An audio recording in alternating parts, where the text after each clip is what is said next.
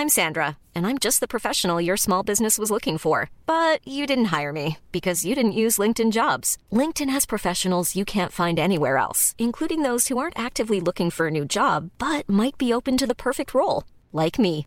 In a given month, over 70% of LinkedIn users don't visit other leading job sites. So if you're not looking on LinkedIn, you'll miss out on great candidates like Sandra. Start hiring professionals like a professional. Post your free job on linkedin.com/people today. Hey, it's Ryan Reynolds, and I'm here with Keith, co star of my upcoming film, If, only in theaters, May 17th. Do you want to tell people the big news? All right, I'll do it. Sign up now and you'll get unlimited for $15 a month in six months of Paramount Plus Essential Plan on us. Mintmobile.com slash switch. Upfront payment of $45 equivalent to $15 per month. Unlimited over 40 gigabytes per month. Face lower speeds. Videos at 480p. Active Mint customers by 531.24 get six months of Paramount Plus Essential Plan. Auto renews after six months. Offer ends May 31st, 2024. Separate Paramount Plus registration required. Terms and conditions apply if rated PG.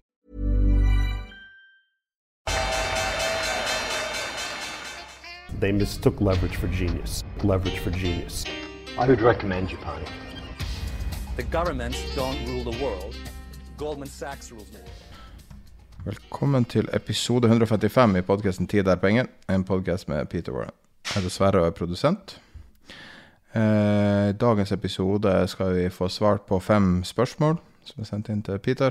Vi skal snakke litt om markedet og aksjene er ned, obligasjoner er ned, inflasjonen er opp.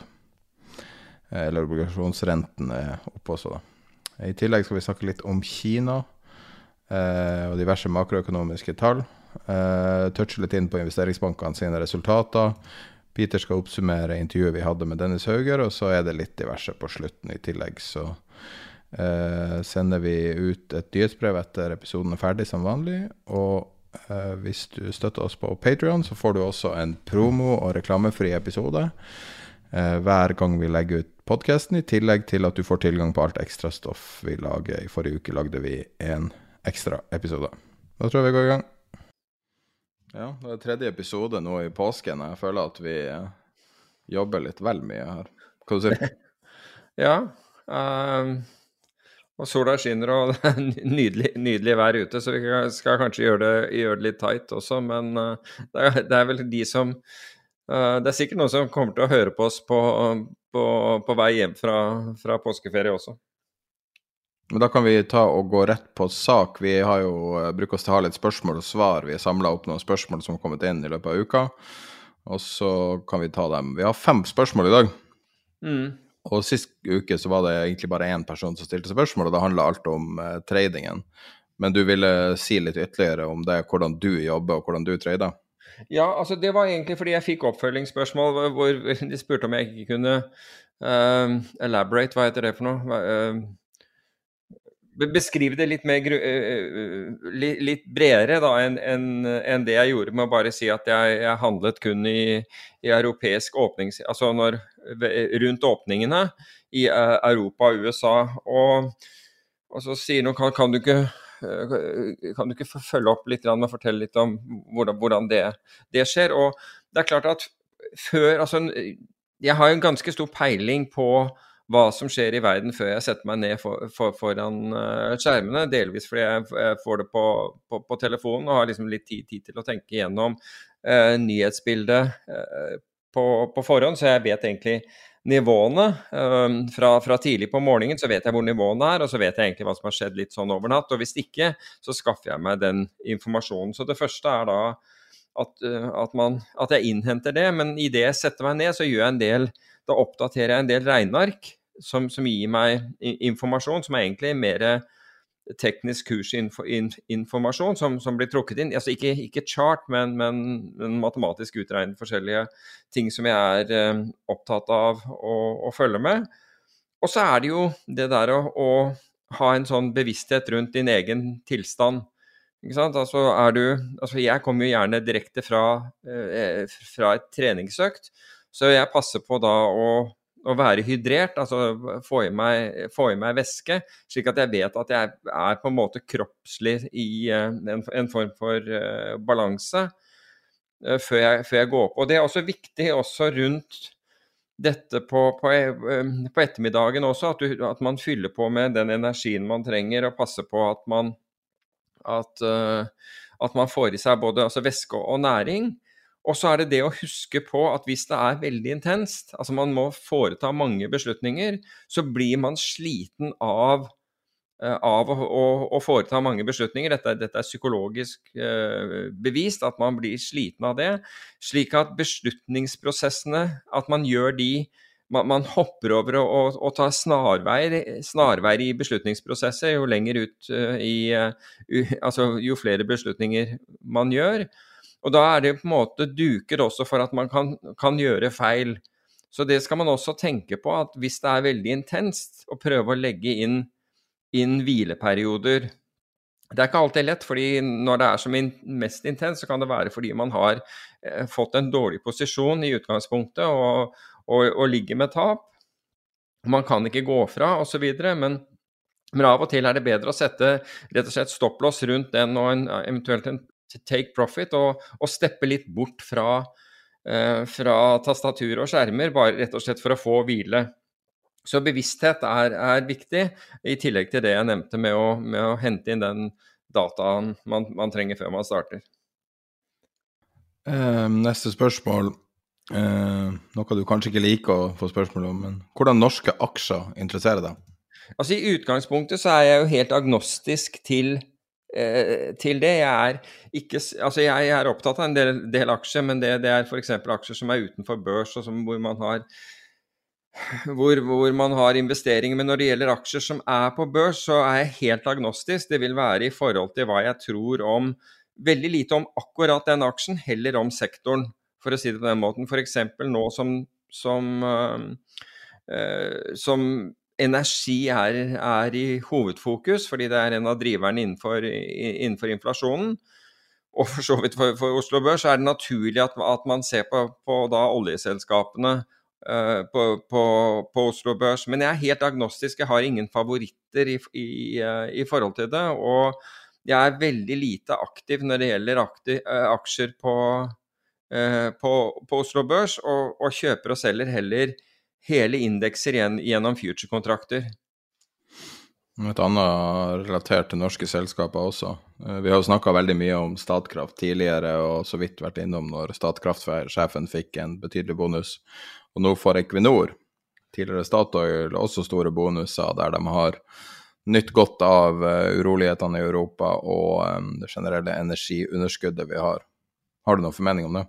Ja, altså jeg syns jo jeg, er, jeg har faktisk engasjert meg litt i det der. For jeg syns jo at, eh, at, her burde man ha eh, en debatt.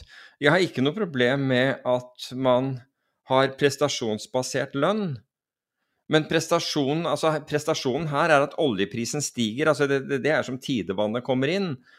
Og det eh, altså fordrer det at man Er det noe poeng å ha bonus for det? Jeg, jeg mener nei. fordi selskapet går, hvis selskapet går bedre kun fordi oljeprisen stiger av årsaker som er helt, uve, helt uvedkommende selskapet, så mener jeg at, at, man ikke burde ha bonus av det. Og det mener jeg generelt. Det gjelder ikke bare selvfølgelig for, for Equinor. For i, i, fondsbransjen så er det jo hvis du, hvis du gjør det bedre enn en eller annen form for benchmark, eller at, at du får en bonus, jeg ville jo sagt at i, i, i Equinors tilfelle så må det jo være at man gjør noe over and above det som, det som på en måte er rene tidevannstrømmen. For hvis man tenker på hva en bonus er der også for, det er jo på en måte å stimulere til økt innsats. Hvis du får den for å ikke gjøre noen som helst innsats, bare Jøss, nei, der, der steg oljeprisen. Altså, Ukraina denne gangen kan være noe annet enn en annen gang så, så, er jo ikke det noe som oppfordrer deg til, til, til merarbeid og være mer kreativ på noen som helst måte. Men hvis man kan dokumentere at jobben man har gjort, og det er sikkert mange innenfor Equinor som har gjort gode jobber, bare så det er sagt, altså, og tilført mer, merverdi, så mener jeg at, at da har det noe for seg. Men jeg mener at det er rett og slett galt at, skulle, at, man skal få At den skal være helt tilfeldig på basis av, eh, av, av svingninger i oljeprisene, hvis man ikke har gjort noe spesielt for å, for å skape merverdi i, i, noen av disse svingningene. Og det, det, samme gjelder kraft, det samme gjelder hva som helst, e, egentlig. For da, da er hele poenget med, med bonus borte. Betydelig del av din karriere, i hvert fall den siste delen av din karriere, har vært rundt hedgefond, og du har gjort Norge kjent med begrepet de aller fleste vet vel egentlig ikke helt hva det er for noe, men du har skrevet mye og snakka mye om det, og det har jo kommet opp i nesten hver episode siden vi starta omtrent. Og vi har også hatt noen forvaltere som gjester og diverse, og det naturlige spørsmålet som kommer da veldig ofte, kanskje det spørsmålet vi har fått flest ganger, er hvordan, nøyaktig hvordan investerer du i et hedgefond? Ja, altså det, det, du gjør i utgangspunktet, er jo å ta kontakt med, med det aktuelle hedgefondet som du er interessert i å, å, plassere pengene dine i. Og så vil de gå gjennom hva som skal til for å investere. Ehm, som regel så er det en minimumsum du må opp med, som, som kan være alt fra ehm, det er gjerne eurobasert, eller, eller 100 000 euro eller 125 000 dollar, eller et eller annet sånt som er minimum ehm, minimum innskudd. Men så er det at man skal også kvalifisere som, som uh, en, en, Jeg husker ikke hva, hva uttrykket er nå, men du, du, må være en investor med kunnskap. Det rare er at hvis du har nok penger, så, så trenger du ikke ha kunnskap. Da, da, inn, da, da, kan du komme inn uansett. Så, så hvis du har, eh, har høy formue og lav IQ, så kommer du allikevel inn i hedgefond, for å si det på, på den måten. det, er, det, er, jo helt merkelig. Men, hvis, hvis, du er, hvis, du er, supersmart, men ikke har formue, så kan, kan du slite. Uh, du skal kunne du skal, altså du skal være en Uttrykket er vel ikke profesjonell investor, men det er vel ja, det, det, det jeg, tror fall, jeg, tror det er profesjonell investor. I USA så bruker man å kalle det sertifisert investor. Ja, du, du har tre nivåer faktisk for dette internasjonalt. Så det er utgangspunktet, er at du kvalifiserer innenfor det. Og ethvert hedgefond som du tar kontakt med, vil fortelle deg egentlig hva som er, er, kriteriene. Men så har du et annet problem, og det er hvor dette hedgefondet har registrert fondene sine. Og det sier jeg nå fordi jeg har forsøkt å komme for å tegne meg et hedgefond nå før påske, og holdt på med det i, i et par uker. Og dette var, dette var i Dette hadde fondene sine registrert i Luxembourg. Og det var rart, fordi jeg hadde jo en, en kaffe med Morten Lindemann vi, fra Infront som, som, du intervjuet. og Dette var jo etter, etter, en stund etter ditt intervju. og Da nevnte jeg dette med Luxembourg, og han sa nei, det må du bare aldri det, det, aldri finne på. Du kommer aldri til å klare det. Er så mye, det er så mye mikk. Og la meg ta en av de tingene når det gjaldt Luxembourg.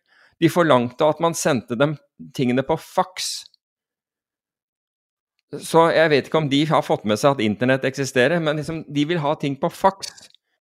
Jeg vet ikke om det er en faksmaskin å, å få i Norge etter, etter, år 2000, men det er sikkert noen som har det. Men det er, det er helt håpløst.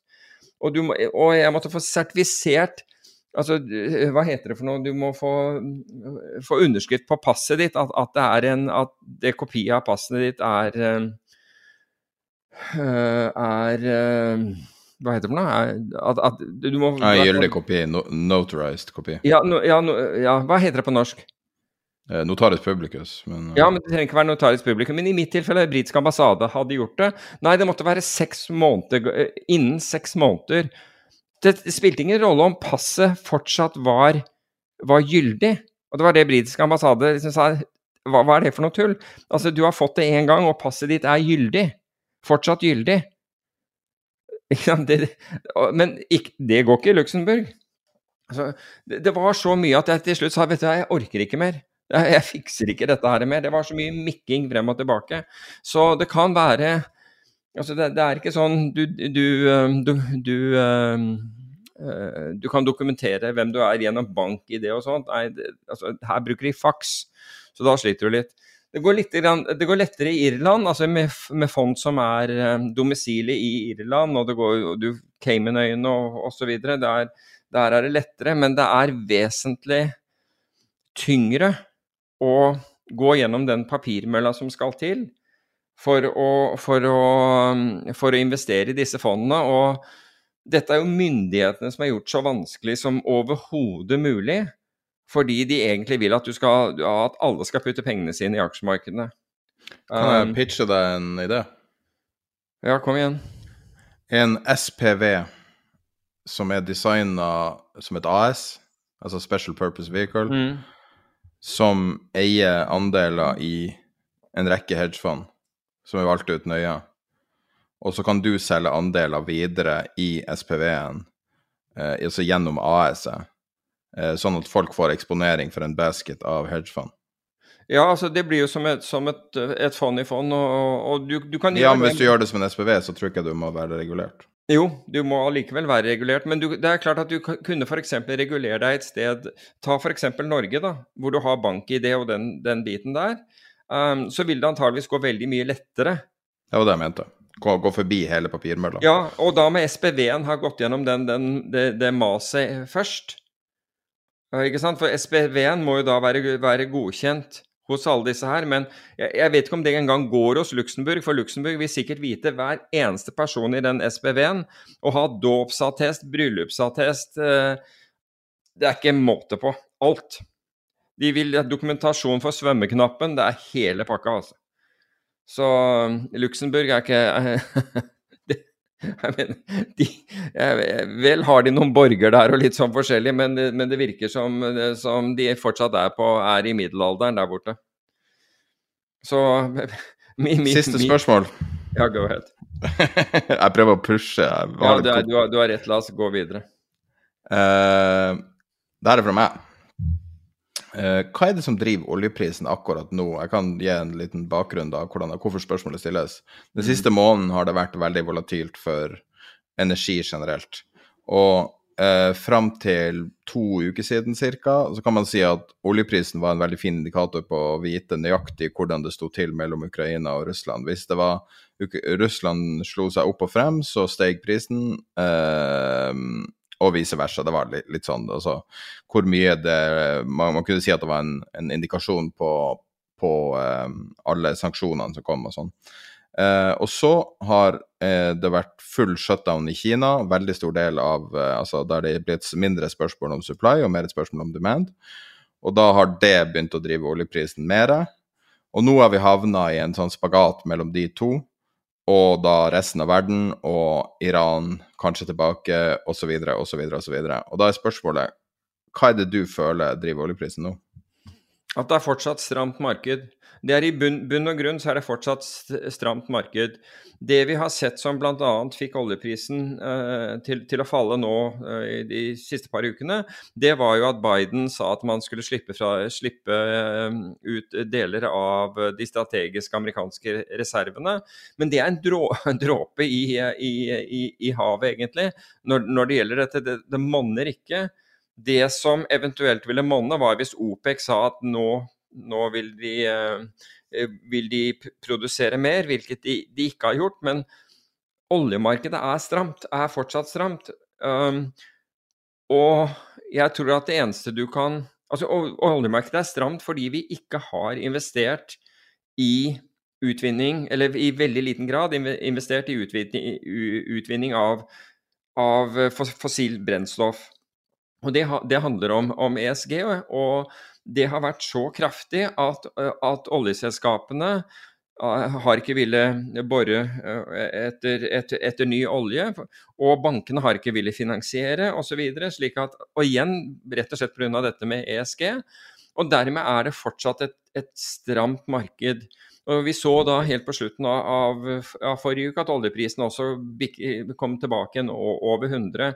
Så det som Men samtidig så tror jeg at vi vil se at bl.a. bensinpriser Vi har ikke sett det på, på, på innenfor, innenfor, luftfart enda, selv om jetfuel også har gått opp, men at bensinprisene vil slå ut på konsumet men, innenfor, men innenfor, luftfarten så har vel en Altså selv om billettprisene er blitt dyrere, så har vel det blitt møtt med rett og slett det at folk har lengtet etter å reise.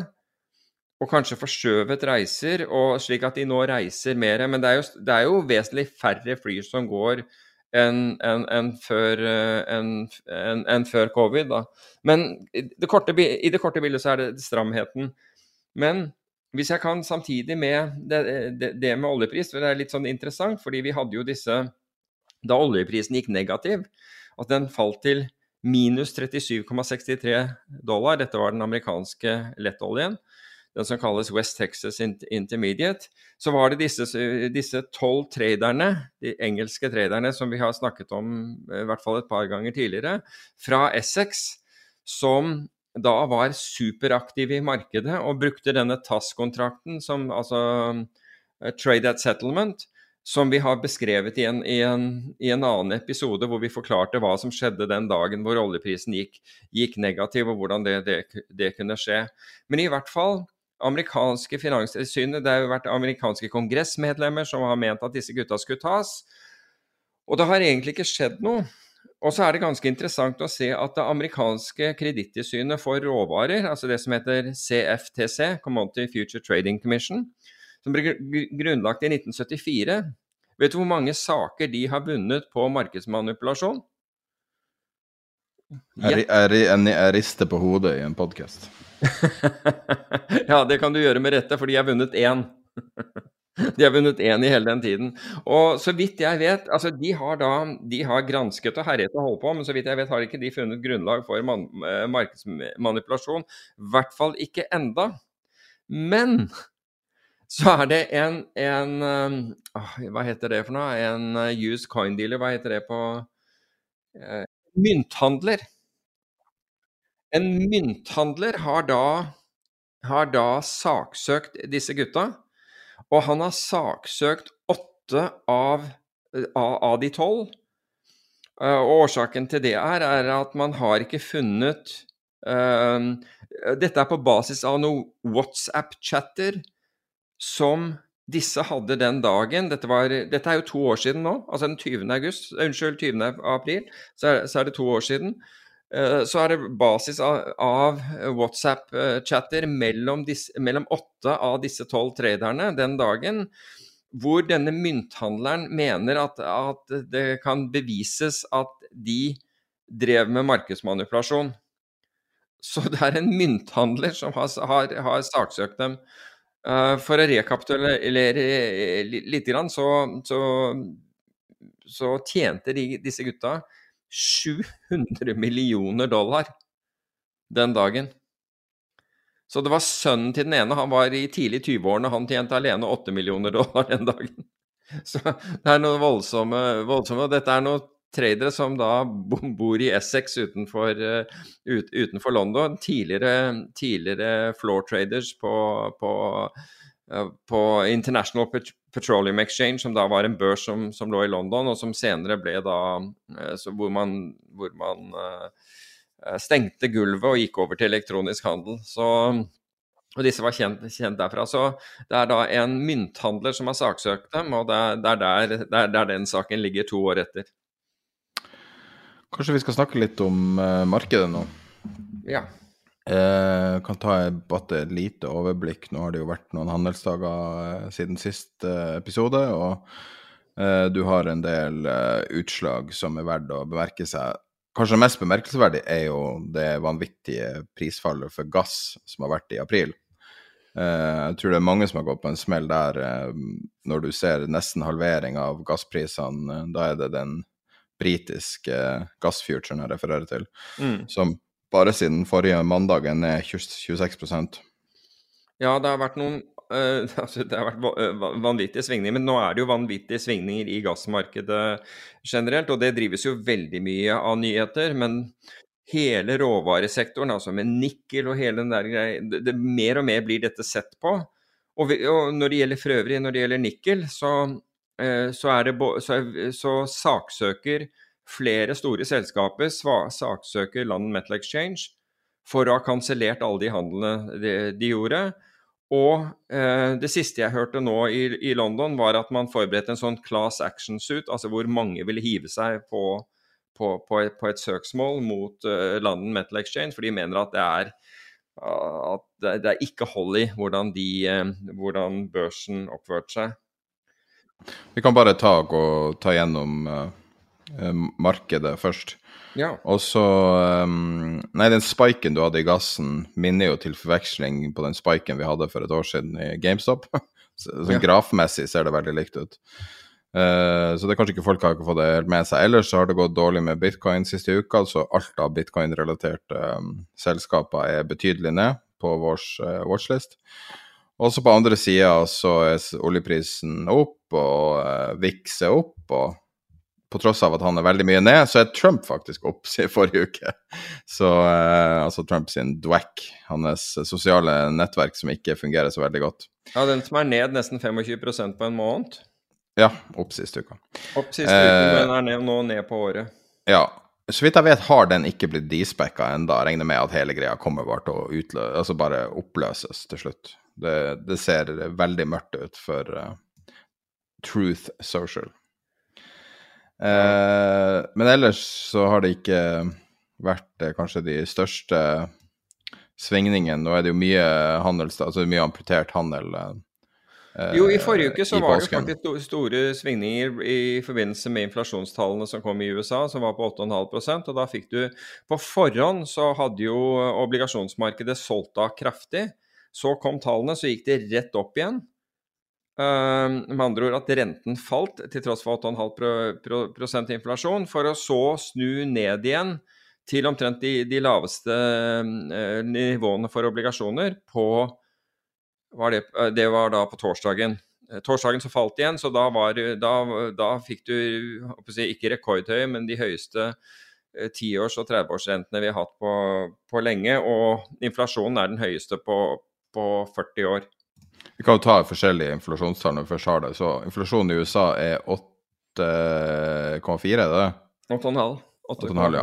Mm. Så hvis du Og så begynner folk nå å stille spørsmål med tallene. Det er eh, en rekke ting man kan kritisere. Nå, vi, vi diskuterte det jo i, i den episoden vi hadde på Patreon, men eh, det er jo definitivt verdt å ta mer. Så hvis vi kan ta utgangspunktet i eh, den kjente forvalteren Michael Burry, som tidvis er på Twitter og raljerer.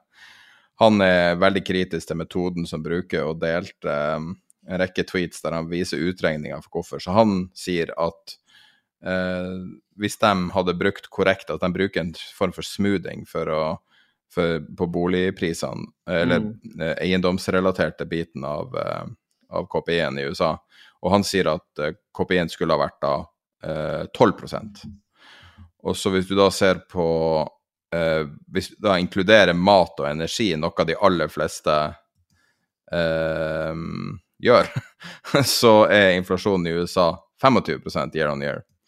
Det var en annen traderen som heter Northman Trader som delte den grafen. Begge de to grafene legger jeg med i nyhetsbrevet som går ut.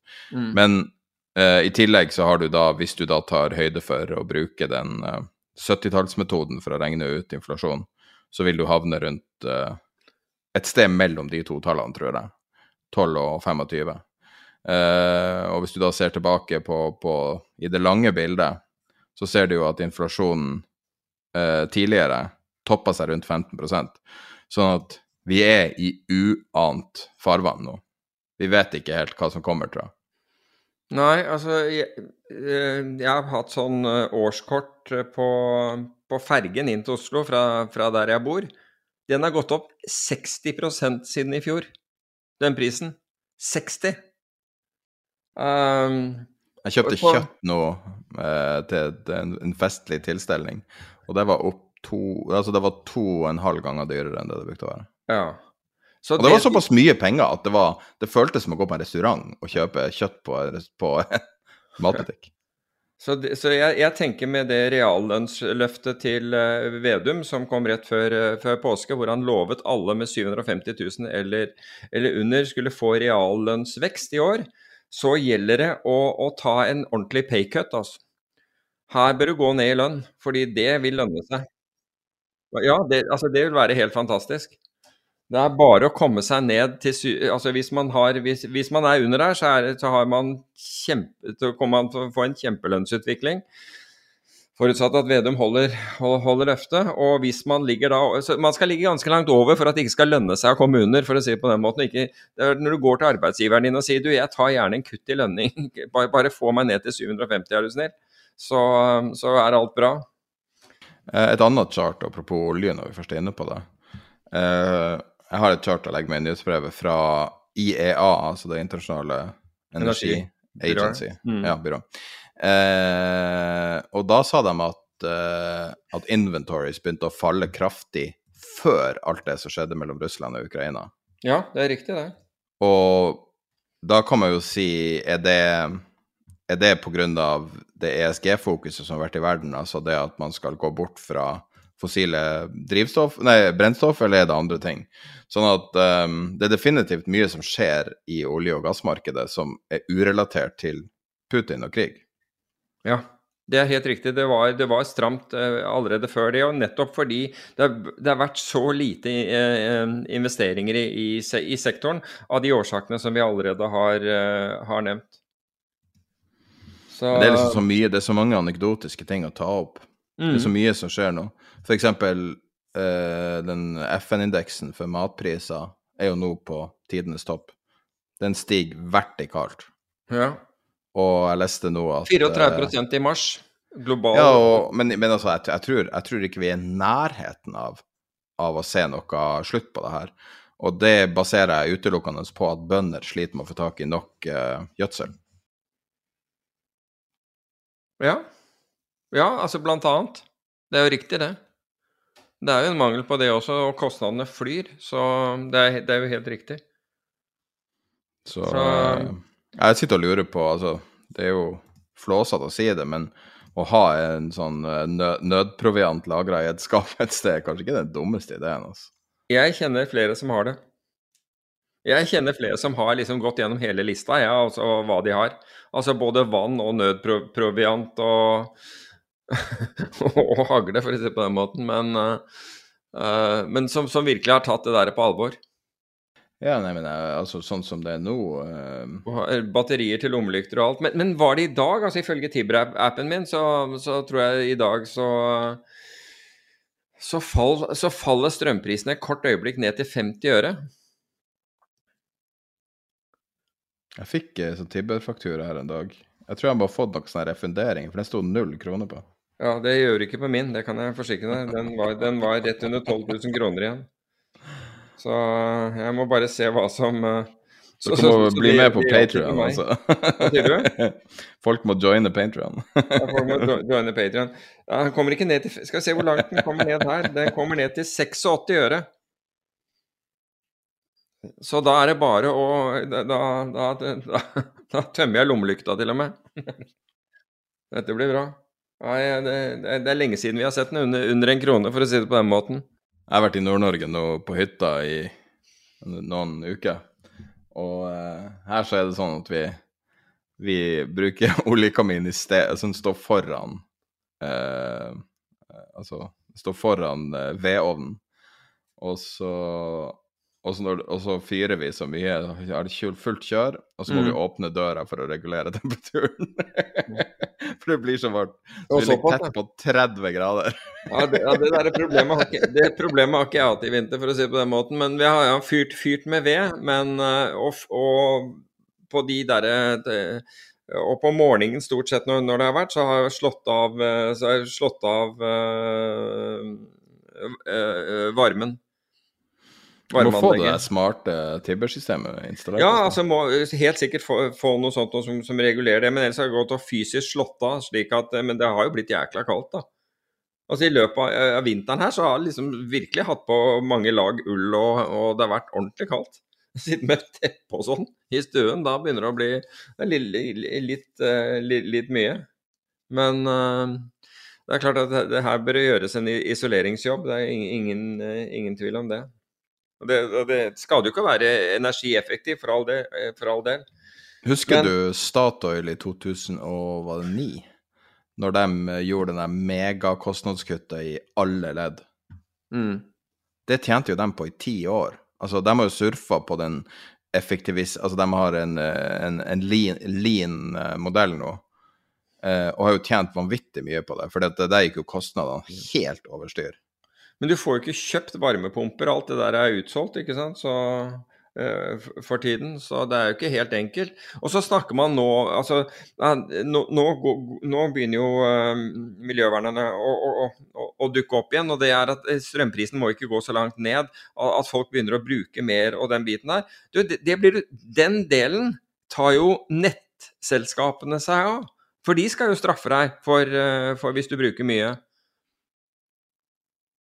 Så så, så, så, hvis du bruker mer enn en tilsvarende en lommelyktbatteri om dagen, så, så, går da Så vil, vil nettleien din gå opp. Men kan vi gå tilbake, nå, nå glei vi litt ut her, det ble litt mye strøm og litt lite marked. Jeg har en hypotese som jeg har lyst til å ja. er, Jo, men det er en ves, vesensfaktor i markedet, det er det jeg vil, vil frem til. Ja, men kan jeg få lov å ymte frampå en hypotese rundt rent verdipapirhandel? Ja. Um, hvis du ser på en rapport vi har diskutert mye i denne podkasten, Flowshow fra Bank of America, så har de en veldig fin sånn bull- og bear-indikator de bruker. De har masse kvantitative, eh, kvantitative eh, måleenheter som de eh, Forskjellige ting de plugger inn, og så får de vite da om det er hvordan fryktnivået er i markedet. Veldig fin indikator, og sånn typisk folk bruker kontrært. Og så sitter jeg og ser på diverse andre eh, ting som, som tikker inn. F.eks. da hvordan folk eh, ser på markedet, altså sånn eh, consumer confidence. Og, og, så tenker jeg hvordan jeg ser generelle diskursene i samfunnet. Og, og når alt kommer til liksom, alt oppsummert, så er det nå at vi sitter og sier ja, blir det atomkrig? Jeg tror ikke det blir atomkrig. Vi er på det nivået, så det er ganske bearish generelt sånn for verden. Og eh, når du ser at den bull- og bear-indikatoren er på to av ti, som er nesten det sterkeste kjøpesignalet som er, så vil jeg da stille deg spørsmålet Kan dette være et godt tidspunkt å kjøpe risk? Altså, hvis du ser på Goldman, altså, siden du, du, mener at folk er så bearish jeg, jeg, oppfatter dem ikke så bearish, og det er fordi du Og det ser du på konsumet uh, i øyeblikket. Men Goldman har jo, har jo hele tiden uh, hatt overvekt equities, men de sier at man skal gjøre det med tail hedge. Så de anbefaler tail hedging, altså da out of the money-opsjoner eller ting som, som, som, hedger. Det vi vet, er at det å diversifisere med aksjeporteføljen med obligasjoner, det har gått ordentlig til helvete i år. Fordi, altså med unntak av Norge, og det skyldes, eh, det skyldes egentlig ene alene Equinor i indeksen, så har aksjer falt og obligasjoner har falt. Så begge deler har gått ordentlig gærent. Det har gått verre i, i, de fleste, fordi i de fleste markeder, f.eks. amerikanske eller tyske, så har det gått verre med obligasjonsporteføljen din enn det har gjort med aksjer. Så begge deler er du ned på. Um, men, men min, min, eh, take, altså, eller, eller, sånn som jeg oppfatter det, og sånn som jeg ser det, så er det ikke altså I Norge er det i hvert fall ikke bearish, for å si si det, på den måten. Og det er kanskje ikke så rart, siden børsen eh, tross alt er um, er opp på året. Man kunne vært mye mer opp hvis man hadde shortet obligasjoner, men det er en annen sak. Eller, men, eh, men, men jeg, jeg, opplever ikke det, det, dystre, selv om, og som vi snakket om eh, tror jeg i forrige episode, altså det eskalerer jo i Ukraina. Og det, det føles jo helt galt å være å på en måte være bullish når det eskalerer i Ukraina. Altså nå senket de denne, det, det, dette, denne krysseren. Nå har de ennå endelig amerikanerne turt å si at eh, ja, det var eh, ukrainske missiler som traff den krysseren. De turte ikke å si det til å begynne med. Da var det jo litt uavklart, og det var ikke måte på. Sikkert for å ikke piske opp stemningen, men konsekvensene av den er jo da høyst sannsynlig, og det snakket vi om i den Patrion-podkasten som, som, var for noen dager siden, altså rett etter at dette skjedde, at uh, Russ, uh, Russland, Putin, vil gå enda hardere til verks. Men vi har, vi har, klart å liksom normalisere det i vårt sinn, til tross for at faren egentlig for at dette skal få mer dramatiske konsekvenser også utenfor Ukraina, har økt. Og det er vår evne til kognitiv lukking. Vi klarer ikke å ta for oss at, det, at Vi ønsker ikke å i det hele tatt ta for oss at verden kan bli verre. Goldman gjør det ikke sant? Altså, alle meglerhusene er alltid positive egentlig til, til, eh, til, aksjer, men Goldman gjør det da med å si at skaff deg forsikring til nedsiden. Ikke bare sier de det, de sier også at inflasjonen skal flate ut nå. Ja, og, og, det kan jo hende at, at den gjør altså, eh, på, på, et eller annet nivå så vil den jo gjøre det for, fordi den voldsomme Altså når, inflasjonen er mye høyere enn tallene tilsier, og det var jo det du var inne på i sted. Og effekten av det vil være at den bremser forbruk. For vi har rett og slett mindre, mindre eh, penger å rutte med. Og det har vi også snakket om for Norge, spesielt Bl.a. på, på base av, av, av eh, ja, rett og slett energiprisene i Norge, og så, kom, kommer da matvareprisene på, på, på, toppen av det. Og det vil dempe forbruk, og når du, når du demper forbruk, så reduserer du økonomisk aktivitet. Og det er ikke positivt for noen. Så enkelt er det. Og hvis du da har selskaper som er priset på forventning av at, dette, at, eh, at sola skal skinne eh, herfra til evigheten, så vil de ha utfordringer med å kunne, eh, med å kunne oppfylle de forventningene, rett og slett. Og da vil vi begynne å se det. fordi jeg kan ikke se for meg en situasjon, og det er det heller ikke i Norge, fordi si, indeksen i anførselstegn lyver, fordi det er Equinor som på en måte drar den opp. Men det er veldig bra for indeks, eh, de som har eh, eh, de som har indeksporteføljer, altså indeksfond, det, er jo reelt for dem. Men det, det forteller ikke det, egentlig det sanne bildet om norske, norske aksjer heller. fordi nettopp pga. Den, den høye vek vektingen som, uh, som oljeindustrien ha, har, i, har, i, indeksen. Men før eller senere så vil, vil det, det, komme inn over oss også, på samme måte som vi så i 2008. Oslo Børs fortsatt, ikke sant? da hadde du 147 eh, dollar olje, og alt så veldig fryktelig bra, eh, bra ut. Helt inntil det ikke gjorde det. Oslo Børs var en av de som falt mest. Og det samme kan, jeg sier ikke at det skal, har ikke peiling, for jeg kan ikke se inn i fremtiden. Men det samme kan skje igjen. Og hvis det er slik at Goldman har rett, at liksom, overvekt gjerne aksjer fordi du skal alltid sitte i aksjer, men sørg for å ha at du har beskyttelse til nedsiden, såkalt tail risk, så er Oslo Børs et av de stedene altså, hvor, du sikkert, hvor, du fortsatt kan kjøpe denne billig. Rett og slett fordi det er lite etterspørsel etter, etter den type ting, fordi børsen har steget. Og det fins tross alt, hvis du går på indeksnivå, så fins det uh, flere store marketmakere som er villige til, å, til, til å, stille priser i det, men de vil raskt uh, flytte disse prisene hvis det, hvis det kommer uh, stor etterspørsel. Det, det, det, tror jeg nok. Men det, skal i hvert fall gå an å, å, å beskytte seg her også, hvis, hvis, man trenger det. Diversifiseringen i obligasjoner har ikke hjulpet. Mulig at den begynner å hjelpe nå, eller kan hjelpe nå, rett og slett fordi obligasjonskursene har falt så mye, og renten har nå steget til et nivå hvor man begynner å få betalt for å sitte med obligasjoner. Men det, det er jo ikke gitt det heller, fordi det er et så stort gap mellom, mellom inflasjonen og det du får, får, betalt. Så hvis du kjøper en amerikansk statsobligasjon med ti års, øh, med, med ti års løpetid, så får du litt over 2,8% i året mot en inflasjon som nå er på 8,5, men egentlig er høyere. Så hvis du går og kjøper deg den, så taper du Så låser du inn I hvert fall så lenge, så lenge inflasjonen befinner seg over 2,8% i året, så låser, låser du inn en, en, eh, et tap av kjøpekraft. Så lenge, så lenge inflasjonen er over. Du taper kjøpekraft. Eh, for å da være djevelens advokat i samme rapporten som de sier eh, at eh, de forventer at det skal flate ut inflasjonen, kanskje som en årsak. Så hvis du ser i regnearket på linje 130, mm. Eh, så er det alle de fiskale støtteordningene som har kommet etter korona, og når de utløp. Og det er flere ting enn jeg visste om. Det er i hvert fall elleve forskjellige programmer. Ja.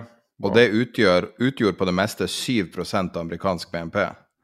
Og det vil fases ned til 1% av amerikansk BNP.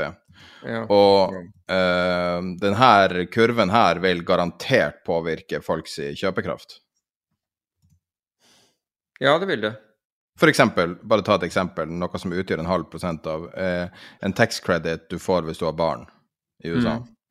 Og så har du de sti stimulisjekkene. De var store når de kom, men uh, det er bare en liten del av det. Og du har ting knytta opp mot uh, støtte til uh, helsevesenet, til social safety, infrastruktur, business support, masse forskjellige programmer. Jeg legger det med det regnearket i nyhetsbrevet. Og det, mye av det her er utløpt i løpet av året, men det er liksom første, andre, tredje og fjerde kvartal at det fases ut. Sånn at det er ikke fasa ut. Noe som er viktig å ha i bakhodet. Altså, hvis du ser, altså, og Det der ser jo absolutt ikke ut eh, bra ut, de tingene du påpeker eh, der. og Jeg var heller ikke klar over at det var, var så, såpass mye. Men, men, jeg er helt enig i at hvis du, hvis du begynner å fase ut det, så slår det enda mer ut, negativt ut. Altså det, som er, det som er fantastisk med Norge, det er jo at pga. inntektene fra kraften, fra oljen og fra gassen, så, ha, så, så, så flommer det penger inn i statskassen i Norge.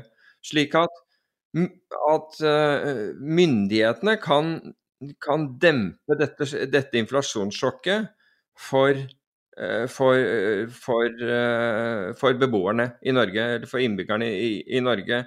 Hittil så har man omtrent gjort ingenting mens man har sittet og se, sett dette her skje, fordi man har vært mer opptatt av Ukraina. Og Ukraina er viktig, jeg er helt enig, men her har vi full mulighet til altså du, du har armslag og rom for å kunne gjøre den, dette inflasjonssjokket, dempe effekten av dette inflasjonssjokket i Norge. Men det, ikke, det, har så langt ikke vært en politisk eh, vilje til å gjøre det annet enn bitte lite grann. Tvert imot så, så, sitter man jo nå og skal, skal øke, eh, øke utgiftene ytterligere, også skattene. Så, um, så det blir, blir, blir, litt tyngre. Men man kunne gjort det i, i dette landet. Det er, det er, fullt mulig. Ellers i markedet siste uka så har jo uh, både JP Morgan, Goldman og Morgan Stanley kommet med tall. Ja. Og en ting som sto ut, uh, var jo hvor mye penger de tjener på trading. Ja. Uh, tallene har jo det er jo ikke dårlige tall de leverer, men det er spesielt at uh, f.eks. JP Morgan har en halv milliard dollar mer i tradingoverskudd enn man venta, som er signifikant. Og ja, ja. Det, hva det her betyr, er, Kan man lese noe mer ut av det her, utover at de er flinke i jobben sin? Er det her noe sånn syklus ja, Syklusrelatert? Ja, ja, delvis. Fordi du, du, kan si at til forskjell fra, fra, de som kaller seg investeringsbanker i Norge, så er eh, de, så er de utenlandske risikotagere. De driver bl.a. med marketmaking. Og her har du da eh, eh, den, de, den, inntjeningen er rett og slett fordi det har vært mer volatilt i markedene. Og de har kunnet ha, ta større spredder i marketmakingen sin enn ellers, og de har tjent gode penger på Eh, på dette. Mens i Norge så er det utelukkende drevet av å, å, å, å tyne ut så mange emisjoner som, som, du kan gjøre. Det forsøker jo selvfølgelig de, disse utenlandske også, men de har denne marketmaking i tillegg. Men det betyr jo også at de tar risiko, og det er ikke de norske interessert i å gjøre. Så, men her har man tydeligvis da for alle disse, de, de stores del eh, hatt, eh, hatt gode inntekter fra denne risikotakingen. Det er jo også signifikant. Det er jo mye som kommer ut med kvartalstall, og generelt uh, publicly traded selskaper må jo dele en del informasjon. Og JP Morgan ble jo trukket inn i den saken med London Metal Exchange med nikkel. Og nå kom det fram da at uh, eh, JP Morgan, på tross av at de blir hevdet at, at uh, eh, LMI hjalp dem, så tapte de 120 millioner dollar på den såkalte big shot-traden. Ja. Uh, ja, det, det, er riktig det, men, men tapet var visst vesentlig, vesentlig større uh, før London Metal Exchange uh, si, grep inn og begynte å kansellere handler. Og Det har gått utover så mange at, som jeg nevnte i sted, at de blir nå saksøkt av, av flere. Og man sier jo også at, og det er det mange som hevder, at hadde, man, hadde, dette vært et LME, altså London Metal Exchange, vært et engelsk selskap og ikke vært solgt til, uh, til, til Kina, så, så, hadde dette vært håndtert på en helt annen måte. Så her uh, mener man at kinesiske myndigheter har vært på banen, og da har man hjulpet den kinesiske som var den som sto for å tape mest. Vi har snakket om, om, om dette tidligere.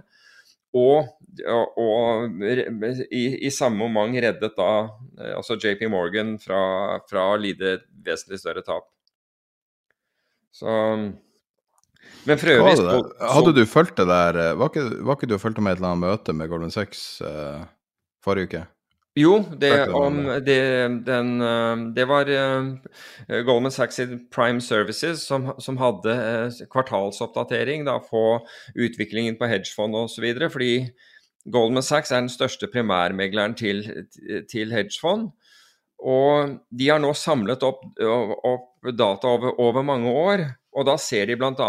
på og som de la frem, altså de, Det ene var at de la frem hvordan utviklingen hadde vært, vært hittil i år, og den var omtrent så, som man kunne forvente. Men mer interessant var studien de har gjort da over fondene over tid.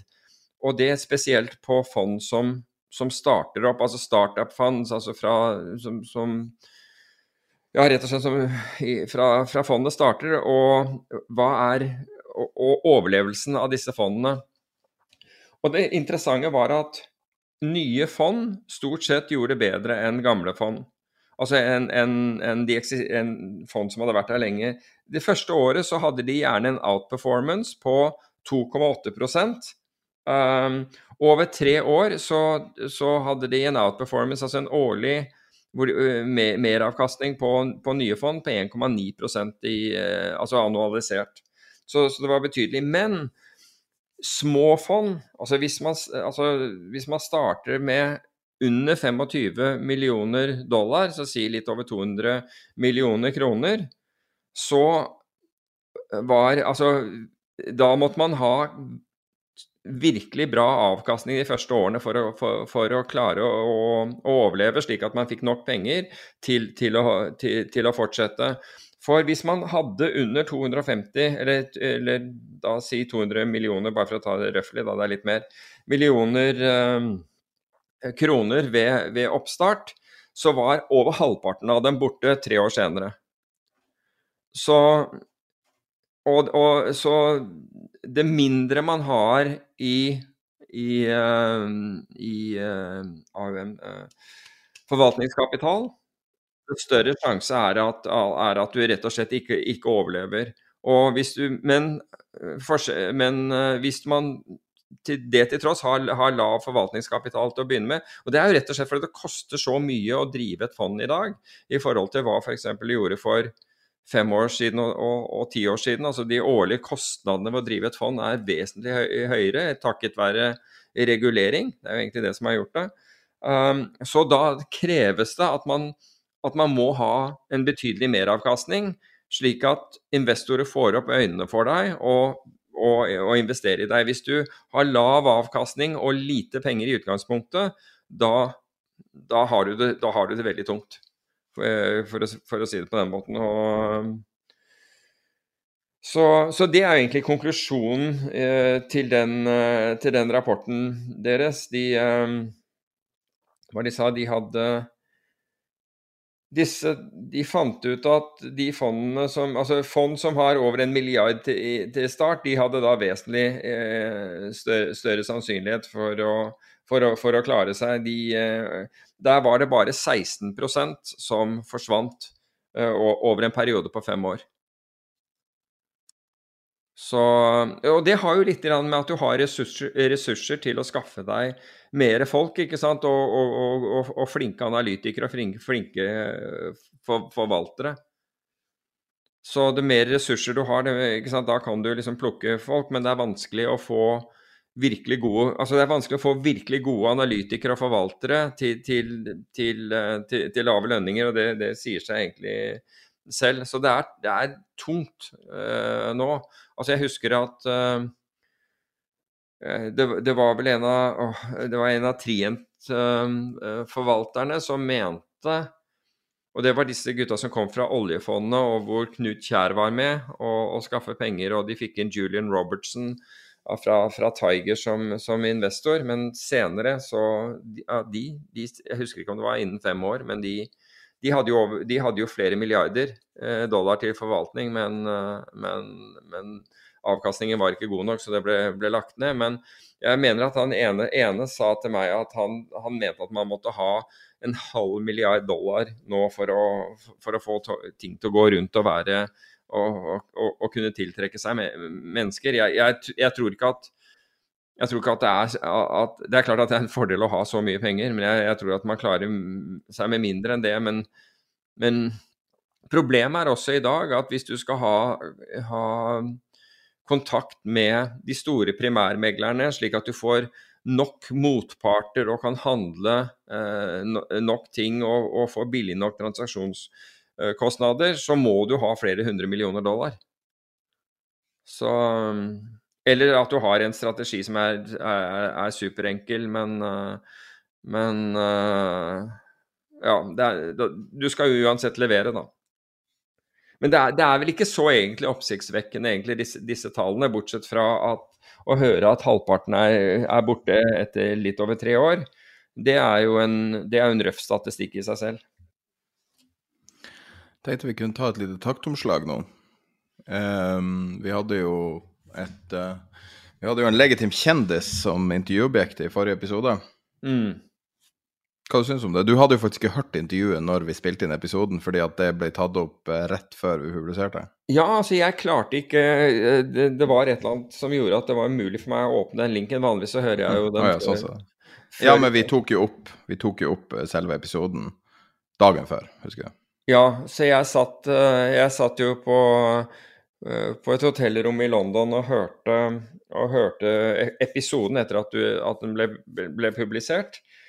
Og um, all ære til deg for det, for jeg syns du fikk frem Det var akkurat de tingene som jeg håpet du ville spørre om, du, som du, du, spurte om. Jeg, jeg, må innrømme, jeg har ikke vært, har ikke vært nervøs foran, eh, foran, Jo, jeg var det for så vidt med, med, med Kjetil Hatlebrekk òg, men ikke på den måten jeg var nervøs forut for dette. Fordi jeg var så interessert i en del av av uh, de tingene som jeg håpet du ville spørre om, da.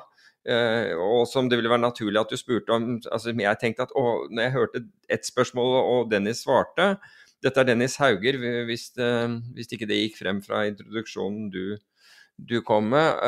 men i hvert fall så tenkte jeg å, nå må han Jeg håper han husker å spørre om eller at han spør om dette her, og det gjorde du heldigvis. Så, men jeg syns det var kjempebra. og og konklusjonen av det, det er jo mye å lære her, selv om du ikke, om du ikke sitter i en bil som går i, i, i 350 km i timen rundt en, rundt en trang bane på, på asfaltbane. Men hans, altså det, er, det, er, jo særlig to ting, altså bortsett fra han, hans mentale styrke, som, som er oppsiktsvekkende, så er, det, så er det to andre ting jeg syns at er viktige og det ene er at han, han fokuserer kun på det han kan påvirke. At vi tenker på markeder og alt mulig sånn, og så har vi fokus på en haug av ting som vi egentlig ikke har herredømme over i det hele tatt. Så han fokuserer på det han kan gjøre med, med, med, med situasjonen som, som, han befinner seg i. Så han bruker ikke tid på det andre, og det betyr at han reduserer støyen sin egen støy. Og Det betyr at han øker sin egen men mentale kapasitet eh, samtidig. Så det er det ene som jeg syns var, var, veldig interessant med han.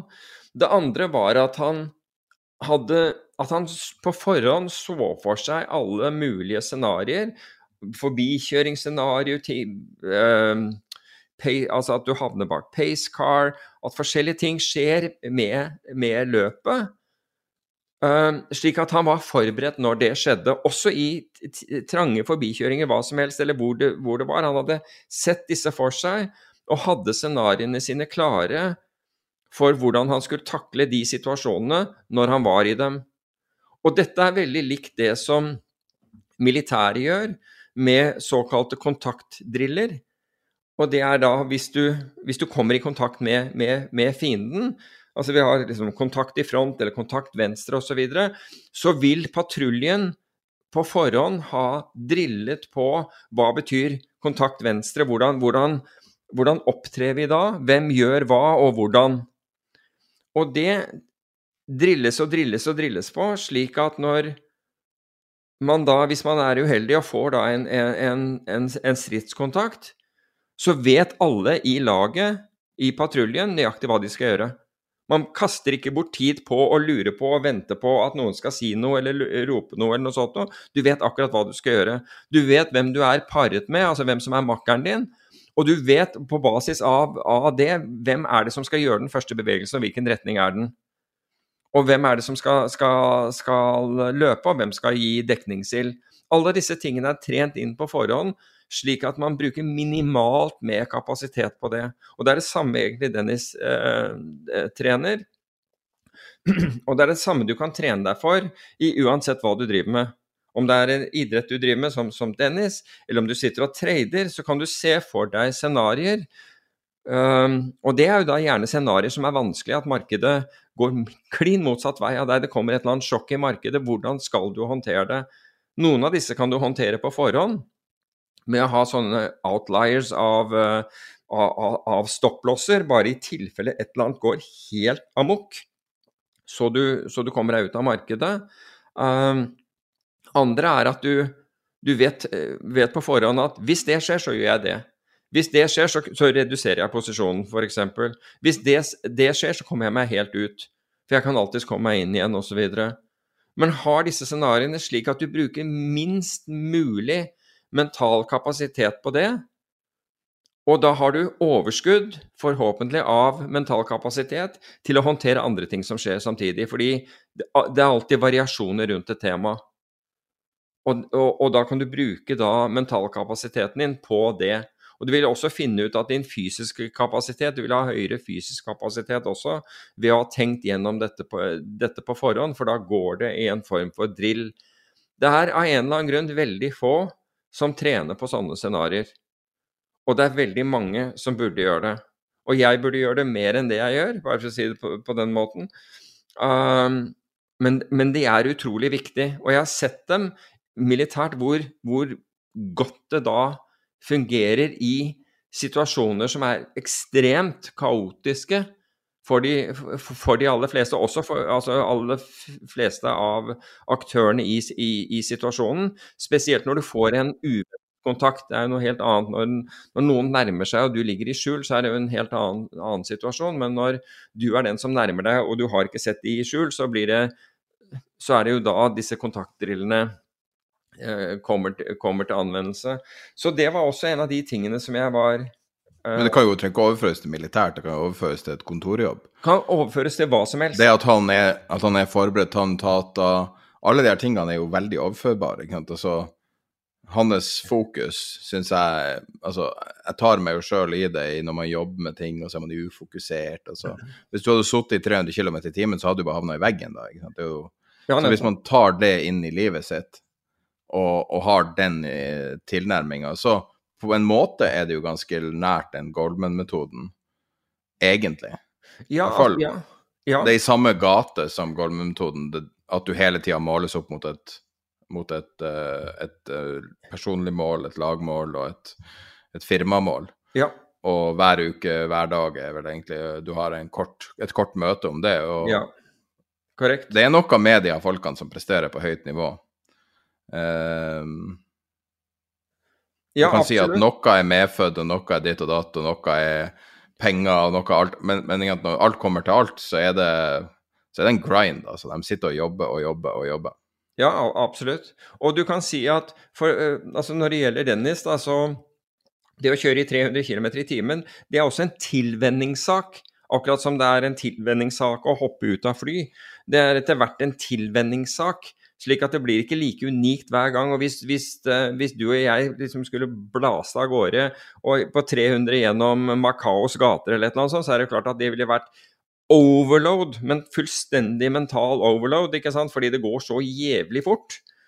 At du, at, at du klarer liksom ikke å ta inn det, det, som skjer. Men når du har gjort dette et, et antall ganger, så er ikke hastigheten det du det er, Da er det ikke den som på en måte styrer hva du, hva, hva du driver med lenger, fordi du, du, opparbeider en form for vane her.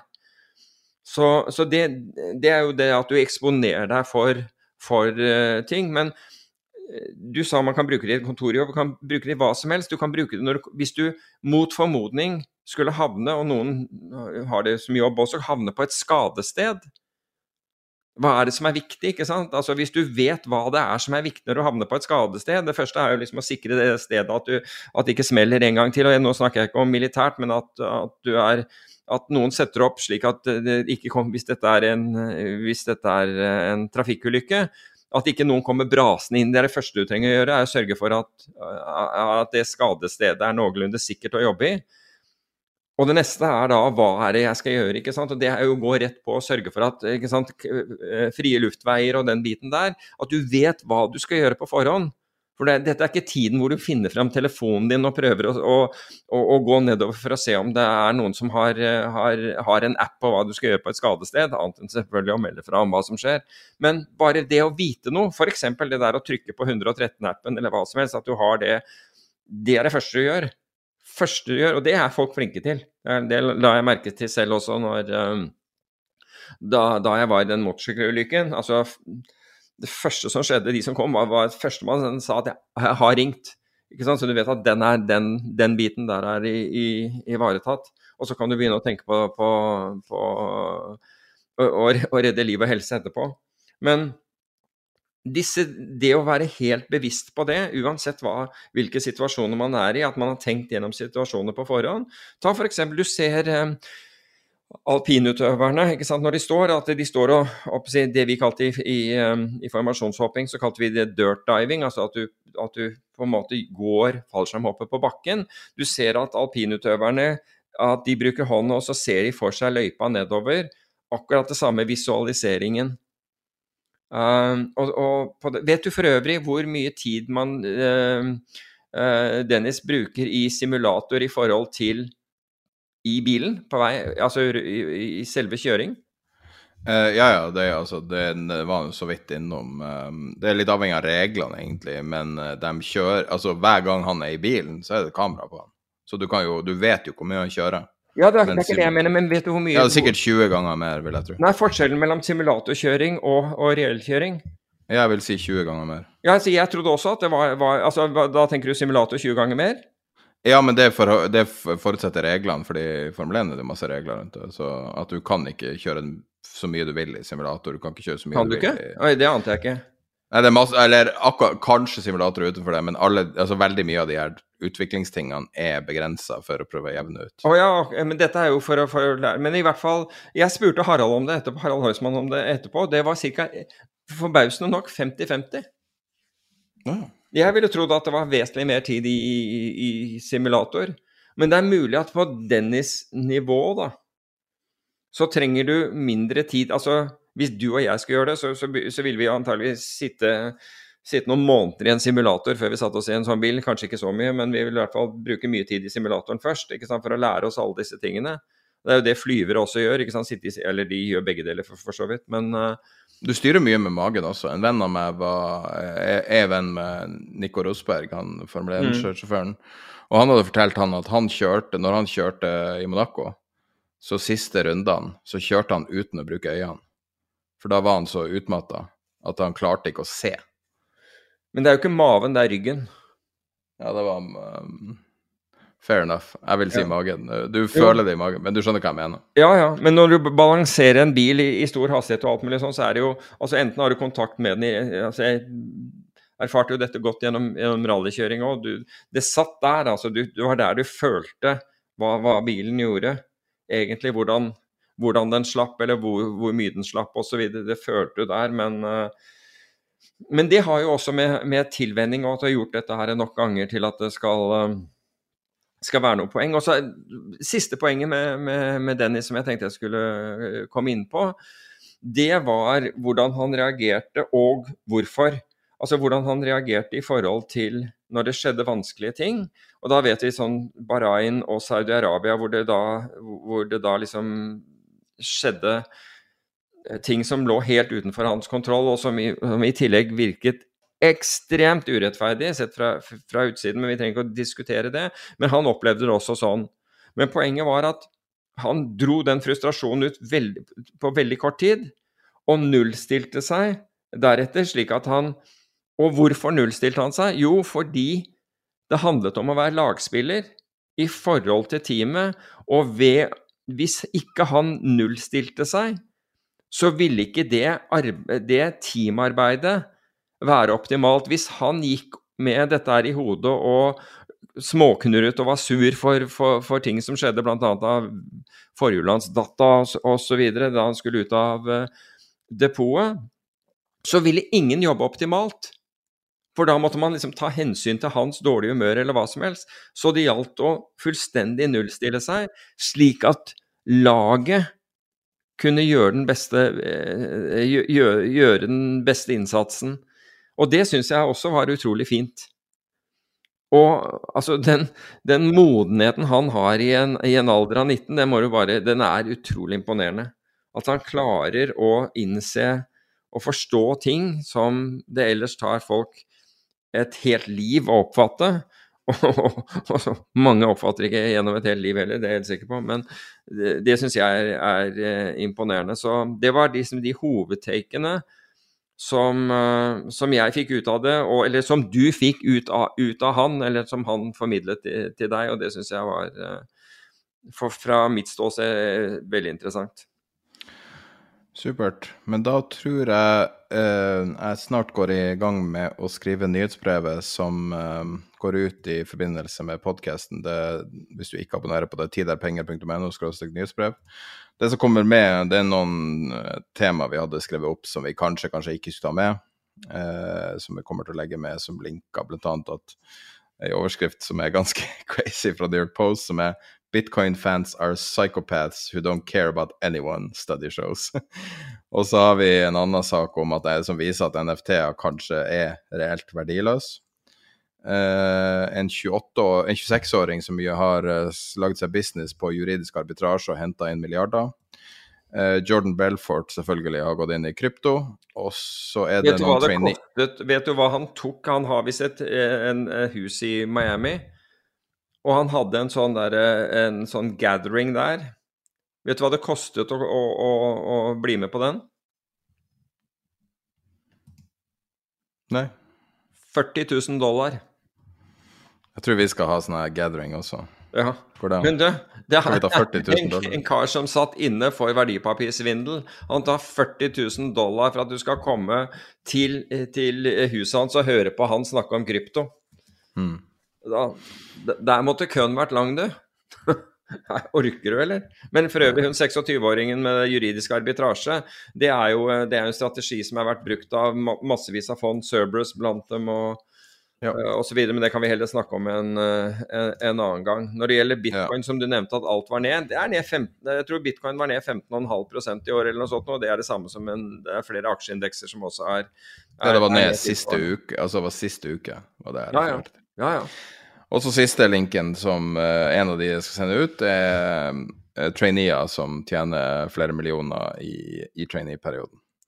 Ellers så er det en interessant graf som viser hva den inflasjonen ville ha vært nå hvis man brukte den uh, inflasjonsutberegninga før 1980. Uh, også viser diverse grafer, annet så har en, aksjer Nei, altså obligasjoner som gir negativ rente, er nå nesten i null.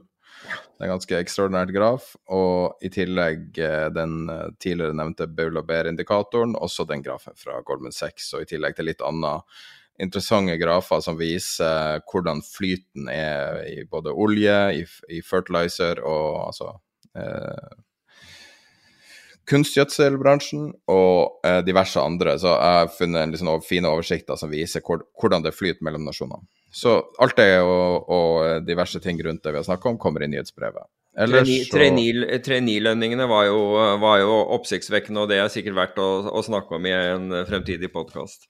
Absolutt. Eh, men da tror jeg vi runder av episoden episode 155, og så er vi tilbake om ei uke. Denne kommer en... litt tidligere, så vi er tilbake om ei uke og tre dager. Ja. Nei, tre timer. Ha en uh, trygg uh, tur hjem fra, fra påskeferie. Ha det bra.